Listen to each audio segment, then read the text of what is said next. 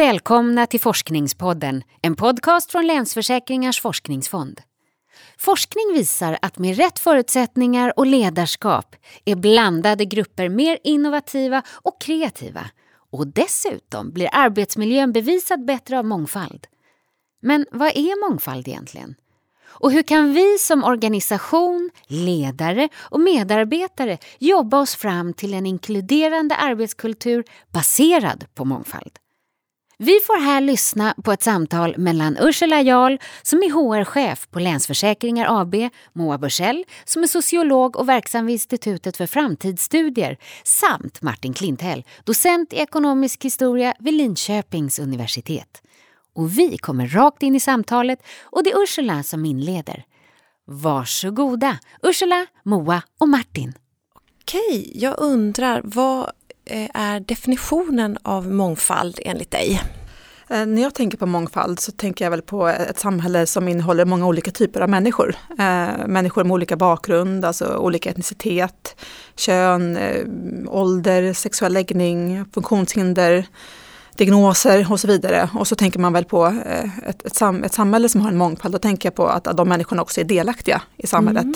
på, på sådana villkor att de får vara de de är så att säga.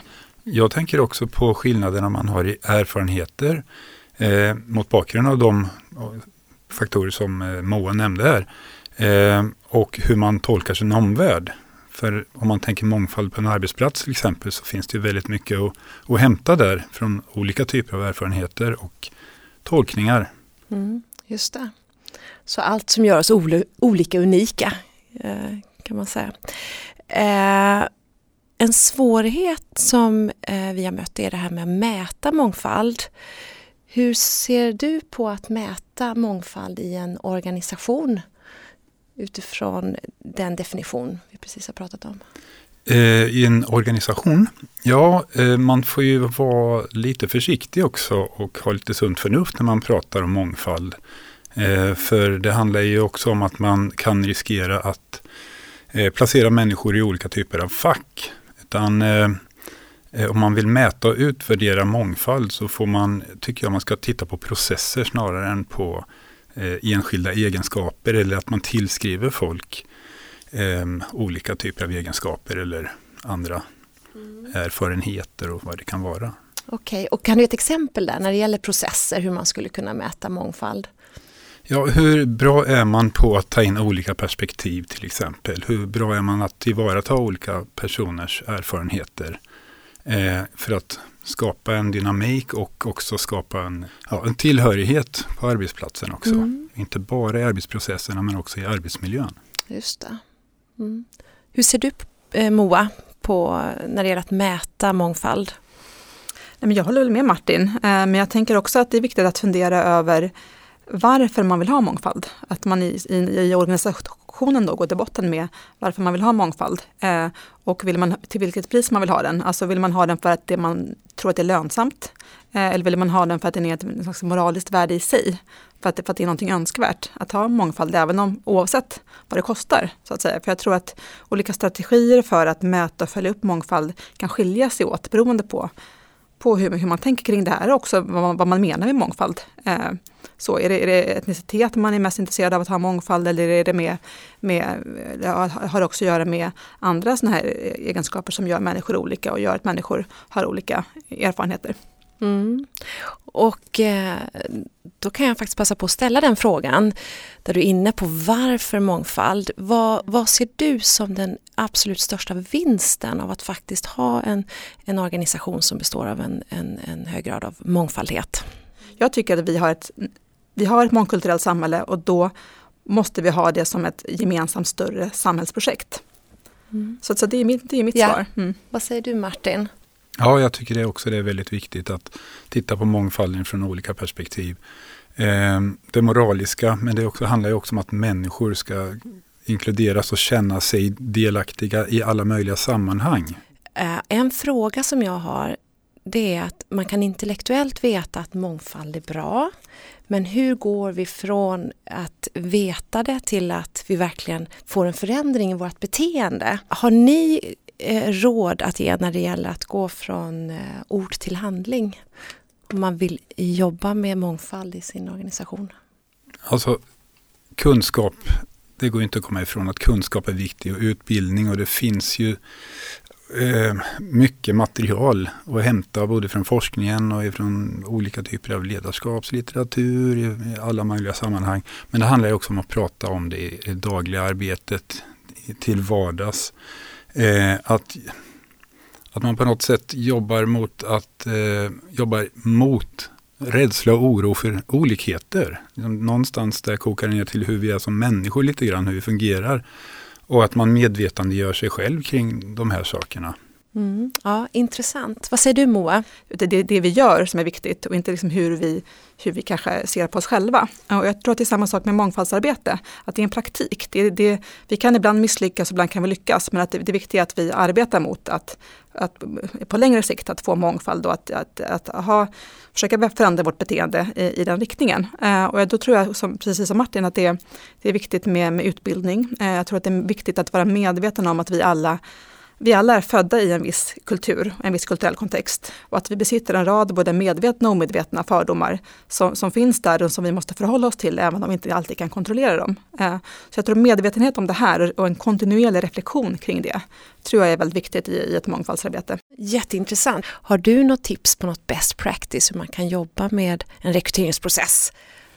Alltså jag, jag tänker just att det är så att man, man jag tror att det är många företag som redan jobbar så, men jag tror att det skiljer sig väldigt mycket åt mellan yrken och branscher också, att man har en väldigt formaliserad anställningsprocess där man har satt upp väldigt specifika kriterier från början på vad det är man ska gå på som viktigt. Eh, och att man är flera personer som är inblandade också i rekryteringen. Man är flera olika personer som läser, eh, att man diskuterar kontinuerligt, att man låter det här ta tid och liksom kosta lite pengar om man säger så i, i tid.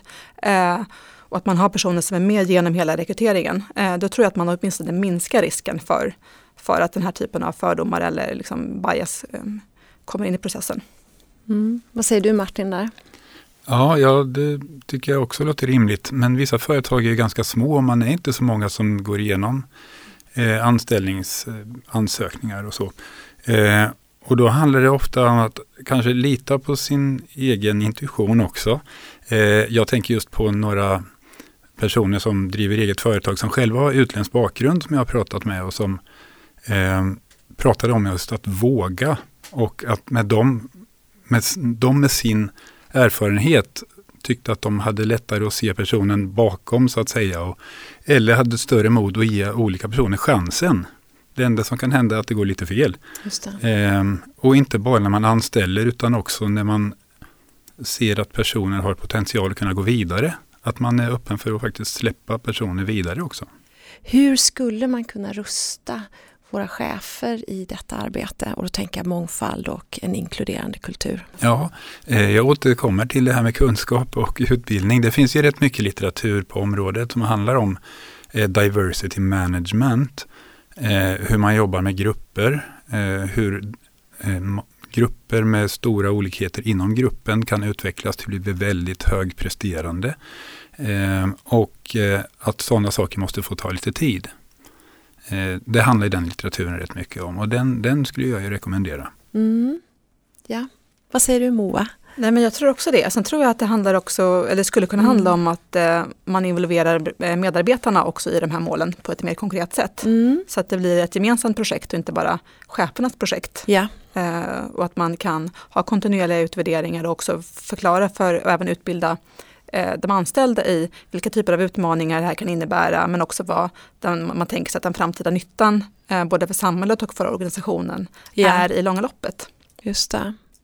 Vad säger ni om att utse en person som är mångfaldsansvarig några år för att realisera den här förflyttningen, det vill säga bli mer, eh, få till en mångfald inom vår organisation?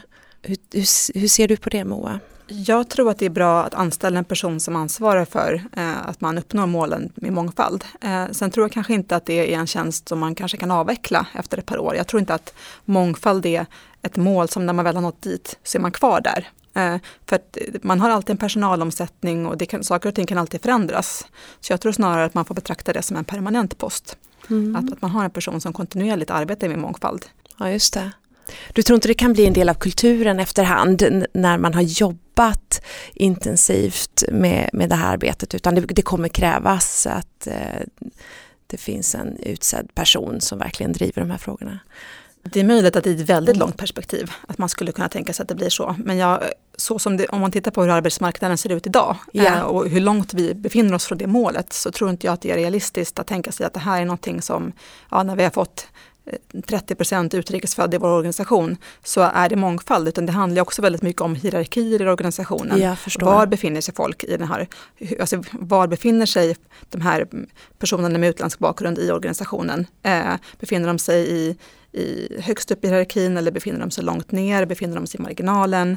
Eh, jag tror att man behöver nog tänka på mångfaldsansvarig som, ett, som en, en permanent post som man har under många år. Mm. Intressant. Vad säger du Martin? Ja, jag tänker, jag är lite inne på samma spår. att ehm, Samtidigt som det successivt växer in i kulturen så behöver det ju inte sluta vara en del av organisationen att man har sån, en sån funktion. Utan att snarare att man, den, den funktionen växer in i organisationen som en naturlig del. Jag funderar på hur vi som arbetsgivare skulle kunna bidra till en eh, förbättrad integration. Kan ni beskriva framgångsfaktorer för detta arbete? Jag tyckte det var intressant, jag lyssnade på en representant för Sveriges kommuner och landsting som pratade om eh, en undersökning som de hade gjort för att se vad som gjorde att vissa kommuner lyckades bättre med integration än andra. Och där var det just samverkan mellan olika starka aktörer i lokalsamhället. Det vill säga kommunen, Arbetsförmedlingen eh, och de stora arbetsgivarna. Och där kan ju Länsförsäkringar verkligen som en stor aktör, en stor arbetsgivare i många sammanhang eh, spela en roll. Mm, intressant. Vad säger du Moa? Ja, nej, men jag, jag tänker väl mycket på det här med, med, med utländsk utbildning och utländska meriter. Att, eh, och det är därför som vi får Eh, en högre överkvalificering bland utrikesfödda än bland inrikesfödda. För att, för att det är väldigt många utrikesfödda som, hamn, som kanske får jobb men som hamnar på fel plats. Som, som, som, som jobbar som städare istället för att jobba på bank.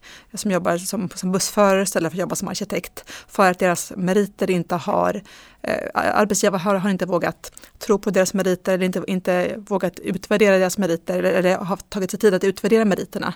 Eh, så där, där ser jag att stora organisationer skulle kunna gå före eh, och faktiskt våga anställa personer som har utländska meriter. Stort tack Moa och Martin. Tack så mycket. Tack så mycket.